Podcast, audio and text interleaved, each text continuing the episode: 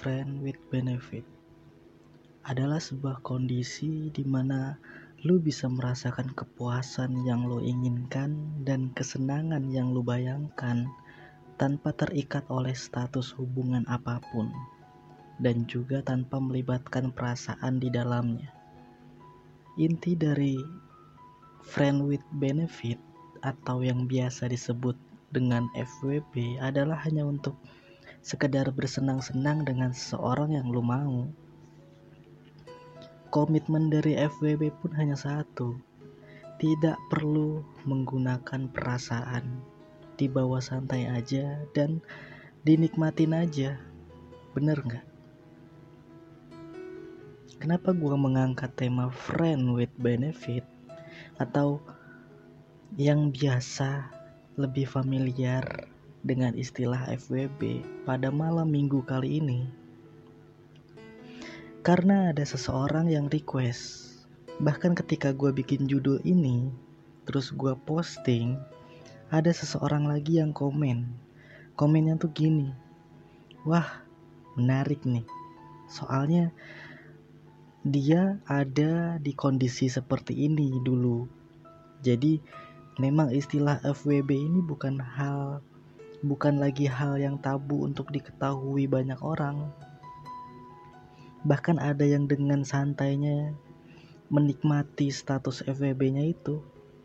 Gue pribadi, gue belum pernah menjalin hubungan uh, semacam ini. Gue tidak pernah menjalani atau menjalin sebuah hubungan FWB. Tapi gue bisa membayangkan bagaimana FWB itu bisa terjadi Makanya ketika ada yang request dan bercerita tentang FWB ini, pikiran gue langsung traveling ke mana-mana.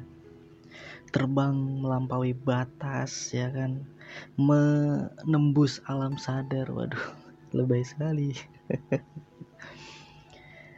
dan untuk kalian yang belum tahu FWB itu apa dan bagaimana prosesnya, serta ingin pikiran kalian tetap jernih dan positif. Gue tidak menyarankan untuk kalian mendengarkan pembahasan podcast kali ini karena isi dari pembahasan ini bukan sesuatu yang baik untuk didengar oleh orang-orang polos seperti kalian. Wah. Jadi lebih baik di skip aja untuk pembahasan kali ini nggak apa-apa gue, nggak apa-apa beneran daripada gue daripada gue mencemari pikiran-pikiran kalian dengan bayangan-bayangan yang menyesatkan ya kan?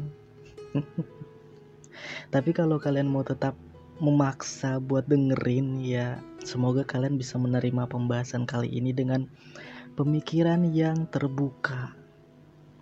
Jadi kita back to the topic.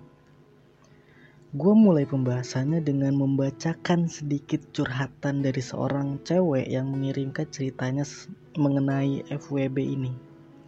Jadi ada seorang cewek bernama Yani dan cowoknya gua kasih nama Budi. Namanya udah gua buremin ya. Soalnya kalau disamarkan kan udah biasa. Jadi gua ganti jadi buremin nah. Udah kayak kertas burem. jadi si Yani ini bercerita kalau dia tuh udah tidak percaya lagi sama cowok. Lebih tepatnya dia tuh tidak percaya sama yang namanya pacaran. Karena menurut dia ending dari pacaran itu ya udah ketebak aja gitu. Bakal gitu lagi gitu lagi ya kan? Mungkin maksudnya gitu lagi ini semacam de, semacam berakhir dengan mengecewakan atau mengsedihkan gitu. Ya semacam itulah ya.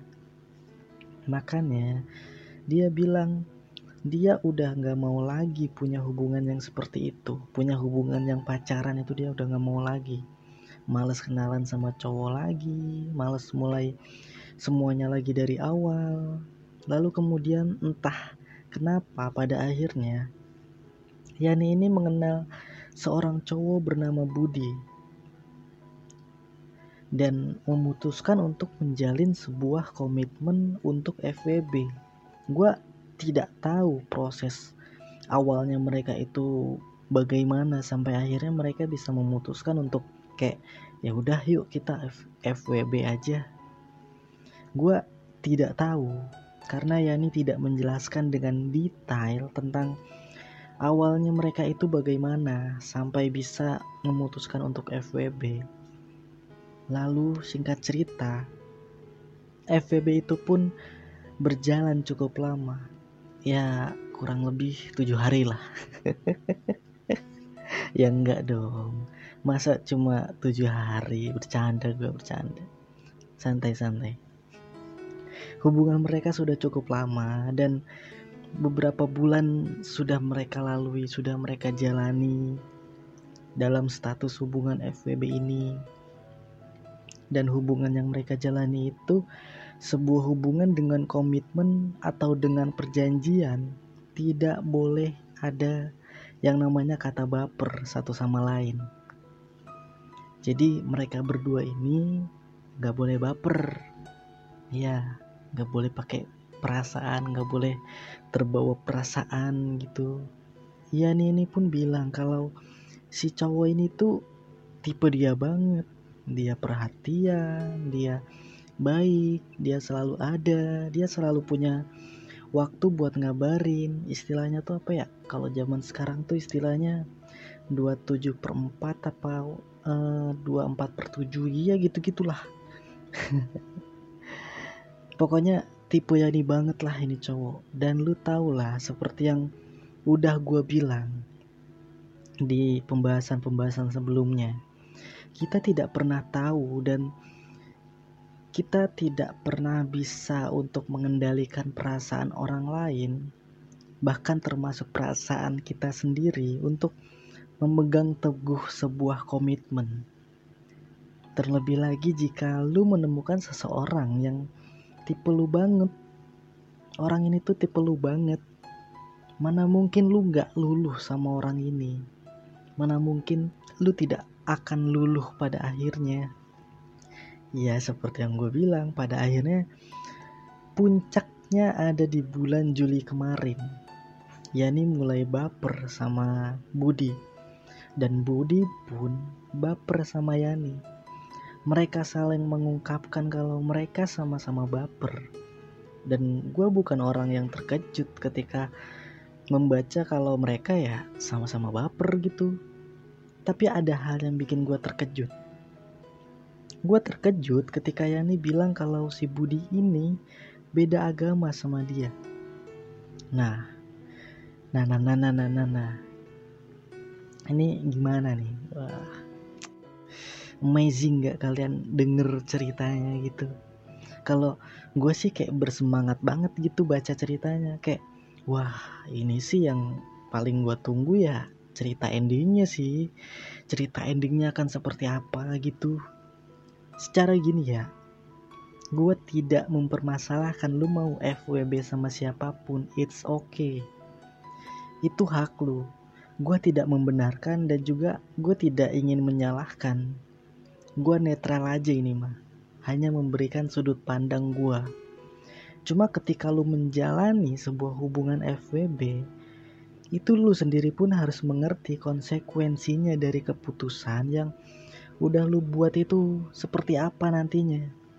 Ketika lu udah cukup bersenang-senang dengan dia lalu pada akhirnya lu baper itu adalah sebuah konsekuensi yang harus yang harus lu terima. Dan lagi lu menjalani FWB dengan seseorang yang beda agama yang di mana lu sama dia mau dipaksain kayak gimana pun selama lu masih ada di negara ini perasaan lu gak punya tempat untuk bisa ditoleransi di sini. Hubungan beda agama itu sebuah pertentangan.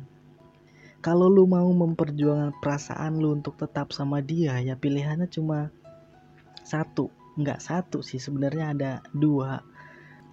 Lu pindah negara dan lu menikah di negara yang tidak peduli akan perbedaan agama untuk bisa bersama atau salah satu dari kalian ada yang mengalah dan memilih untuk pindah agama? Menurut kalian gimana? FWB yang beda agama ini gimana menurut kalian?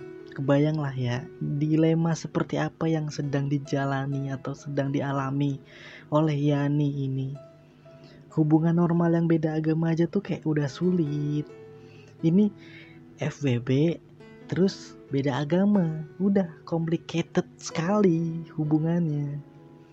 Sepertinya Yani menerapkan sebuah prinsip dalam hidupnya yaitu kalau ada yang sulit kenapa harus ada yang mudah? Eh salah. Gimana sih? Ken kalau ada yang sulit kenapa harus yang mudah? Nah itulah pokoknya ya kurang lebih gitulah.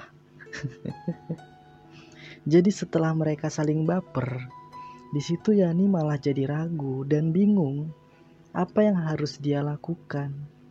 Karena Yani sadar kalau mau sesayang apa pun dia sama Budi mereka tidak akan bisa bersama.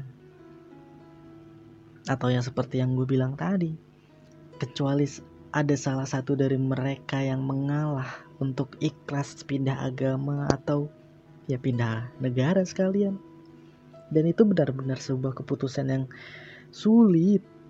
Pertentangannya bukan hanya di agama melainkan di keluarga. Apa mereka yakin keluarganya masing masing dari keluarga mereka bisa menerima? Gue yakin akan sangat berat pastinya. Butuh perjuangan yang benar-benar sebegitunya untuk membuat kedua keluarga ini bisa saling akhirnya memberikan restu. Cuma pada akhirnya Yani memutuskan untuk menjalani semuanya seperti hari-hari biasanya aja. Dan ya udah cukup sama-sama tahu aja dengan status mereka yang hanya sekedar FVB itu pada akhirnya mereka baper. Lalu tepat di, di awal bulan Agustus kemarin nggak kemarin sih harusnya masih sekarang bulan Agustus gimana sih gue jadi tepat di awal bulan Agustus ini sebuah fakta mencengangkan diterima oleh Yani. Sekaligus Fakta ini memberikan tamparan yang sangat keras untuk dirinya. Selama ini ternyata Budi yang sedang FWB sama Yani ini udah punya pasangan. Budi udah punya pacar tanpa sepengetahuan Yani. Yani nggak tahu nih Budi udah punya pacar ternyata. Yang di mana Budi sama pacarnya itu lagi LDR beda kota Gokil. Jelas gokil. Sebuah plot twist yang sangat sangat sangat mencengangkan untuk kita dengar. Coba deh buat kalian cewek-cewek nih. Lu bayangin deh gimana rasanya jadi Yani. Rasanya ada di posisi Yani saat ini. Sanggup nggak kalian untuk membayangkan gimana rasanya jadi dia? sebelum gue lanjut, mari kita hmm, membuat sebuah rangkuman lah ya. Mari kita membayangkan bersama-sama. Kita urutkan alurnya dulu nih. Jadi, Yani ini memutuskan untuk FWB karena dia capek dikecewakan terus ketika pacaran. Capek harus memulai ulang semuanya dari awal. Endingnya pun yang dia percaya hanyalah kesedihan dia pun menganggap semua cowok itu sama aja. Makanya dia memutuskan untuk FWB dengan harapan kalau di FWB ini dia tidak akan pernah merasakan yang namanya kecewa gitu. Soalnya kan tidak perlu baper, tidak perlu pakai hati, tidak perlu menggunakan perasaan. Jadi dijalani aja dengan hambar gitu, yang penting have fun. Eh, tapi Tuhan ternyata baik nih ke nih. Dikasih cowok. Cowoknya pun perfect banget nih. Perfect banget buat Yani gitu. Care gitu ya kan. Tara muncul cowok bernama Budi yang bersinar-sinar bagaikan rembulan di malam hari. Wah. Akhirnya FWB lah mereka Cuma sayangnya, Budi ini beda agama. Tapi nggak masalah dong. Nggak masalah karena ya nggak usah pakai perasaan mau dia sesempurna apa pun buat lu. Kalau lu nggak pakai perasaan ya udah harusnya mm, nggak mm, ada efeknya lah. Ya nggak perlu baper nggak perlu gimana gimana eh ternyata tiba-tiba malah si Yani ketulah sendiri kemakan omongannya sendiri. Dan baperlah dia sama Budi dan Budi pun ternyata baper sama dia. Nah udah ada tuh. Ceritanya udah udah keluar jalur lah dari per FWB ini sebenarnya tuh. Udah. Ya gimana ketika lu sudah melanggar perjanjian dan lu sudah melanggar komitmen untuk tidak menggunakan perasaan lalu kemudian lu berubah haluan? Ya gimana?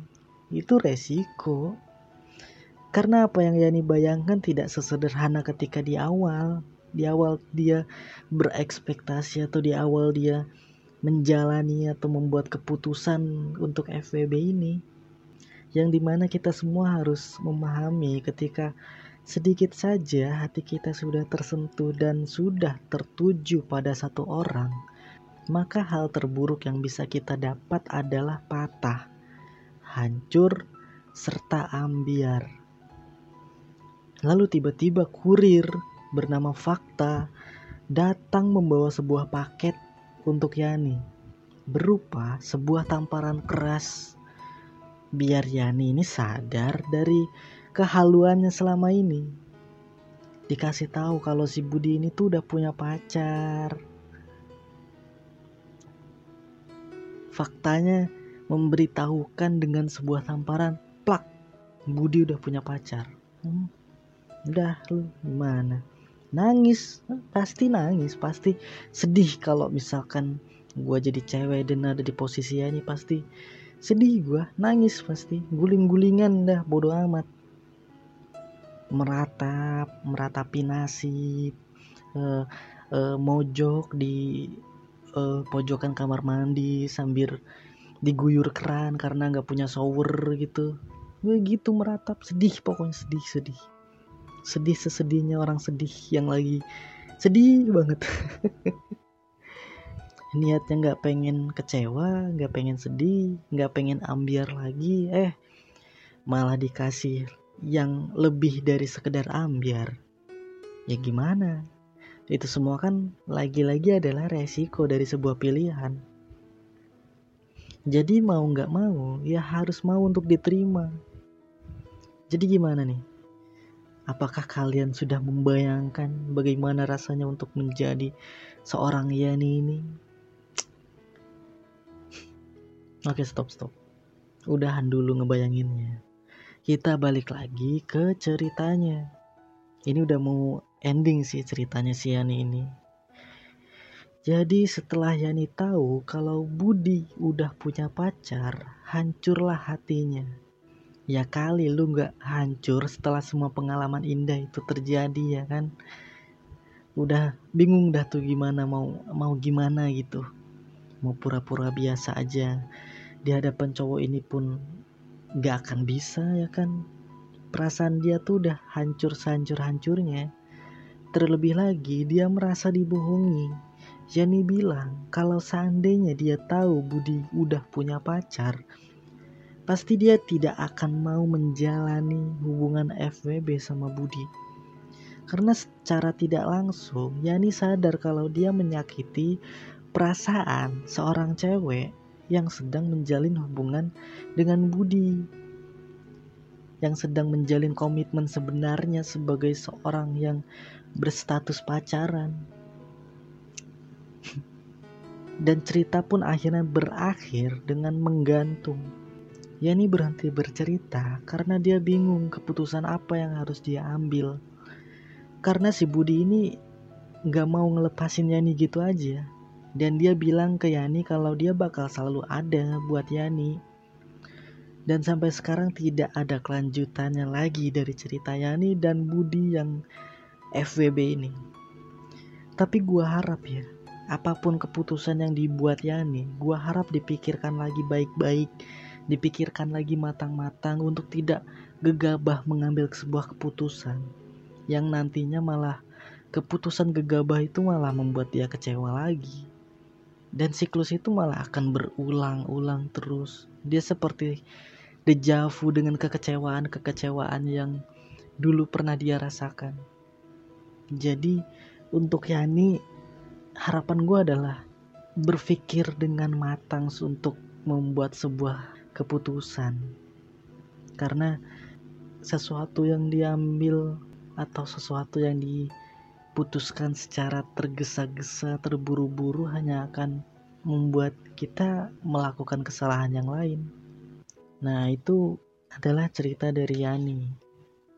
Tapi ada cerita tambahan lagi dari orang lain yang juga menjalani sebuah FWB eh ini sama-sama cewek BTW ya yang FWB tapi bedanya adalah si cewek ini eh, bener-bener menjalaninya tanpa perasaan dan benar-benar menikmati dengan status hubungan itu.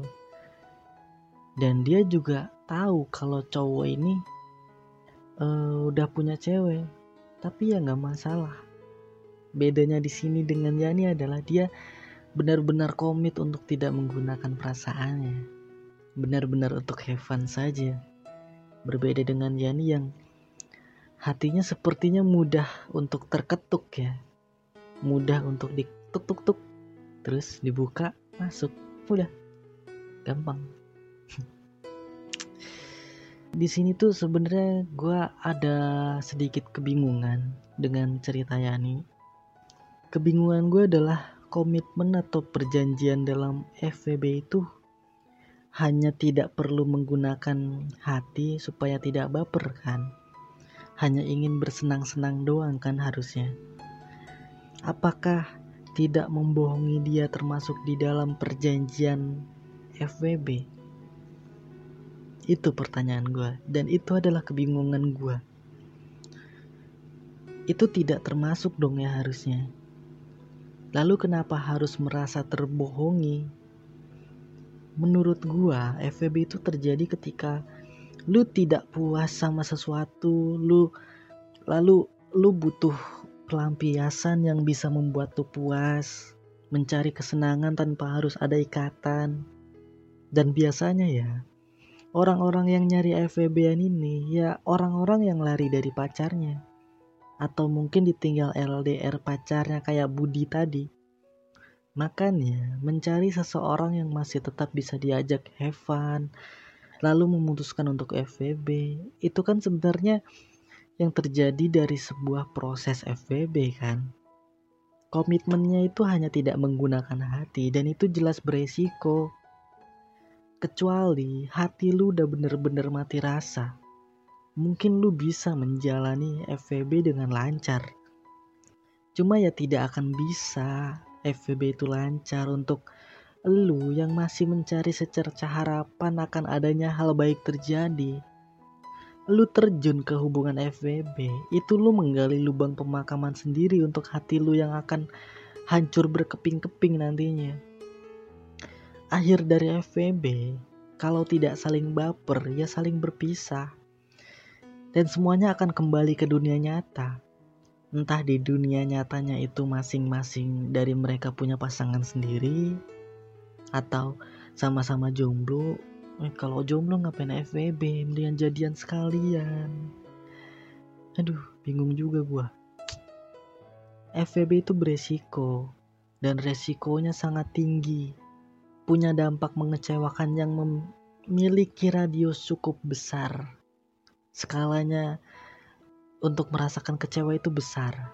Ketika lu udah punya pasangan dan lu ketahuan, lu ketahuan FBB, lu bisa menyakiti pasangan lu.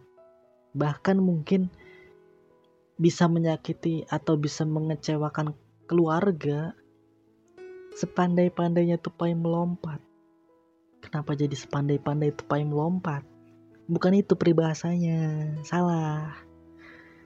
Uh, apa ya peribahasanya? Sepintar-pintarnya lu menutupi bangkai, baunya akan tercium juga. Lu tidak akan bisa menutupi kebohongan selamanya.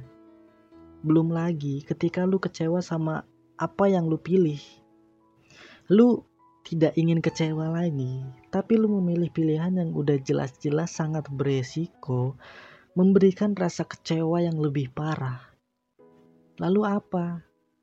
Ingin memposisikan diri lu seolah-olah lu adalah korban dari kebohongan dia. Gak bisa, gak bisa begitu. Ini keputusan kalian bersama. Ini keputusan kalian berdua. Lu sama dia bukan korban. Justru Kalianlah pelaku dari rasa kecewa yang akan kalian rasakan sendiri nantinya. Dan ketika itu terjadi, gue cuma bisa bilang, selamat menikmati rasa kecewa yang sudah kalian buat atas dasar kecerobohan kalian membuat keputusan. Dan sudut pandang gue tentang FWB adalah, buat apa sih lu melakukan sesuatu hanya untuk kesenangan sementara? Buat apa lu melakukan sesuatu hanya untuk melampiaskan rasa kecewa? Buat apa lu melakukan sesuatu yang nantinya akan lu sesali? Friend with benefit bukanlah sebuah hubungan yang sehat untuk dijalani. Seperti memeluk kaktus, lu merelakan diri lu untuk merasakan sakit demi sesuatu yang tidak sebanding sama apa yang udah lu korbankan dan tidak akan pernah ada di kamus gua untuk menyebut para orang-orang yang FWB ini dengan sebutan pejuang FWB. Karena apa yang lu perjuangin dari FWB? Gak ada. Gak ada yang layak untuk diperjuangkan dari FWB. Itu hanyalah sebuah hubungan yang tidak sehat, tidak jujur, bahkan tidak nyata. Cuma bersenang-senang aja kan yang lu mau. Cuma bersenang-senang aja yang lu cari. Dan kalau lu puas dengan kesenangan itu, ya gua nggak akan melarang. Silahkan FVB jika memang yang lu cari adalah itu. Silahkan FVB jika memang kesenangan, kenikmatan, dan kepuasan yang lu cari. Tapi jangan salahkan gua ketika pilihan lu membuat lu terluka dan kecewa. Gue sudah mengingatkan, kalian yang memutuskan. Jadi silahkan pilih. Apakah kalian tertarik dengan FWB atau enggak? Ingin mencobanya atau tidak? Silahkan putuskan. Yang pasti baik buruknya kalian sendiri yang rasakan, kalian sendiri yang tanggung resikonya. Oke. Jadi segitu dulu aja pembahasan friend with benefit kali ini. Terima kasih sudah mendengarkan. Terima kasih sudah mensupport gue sampai sejauh ini. Dan kita ketemu lagi di minggu depan. Ciao.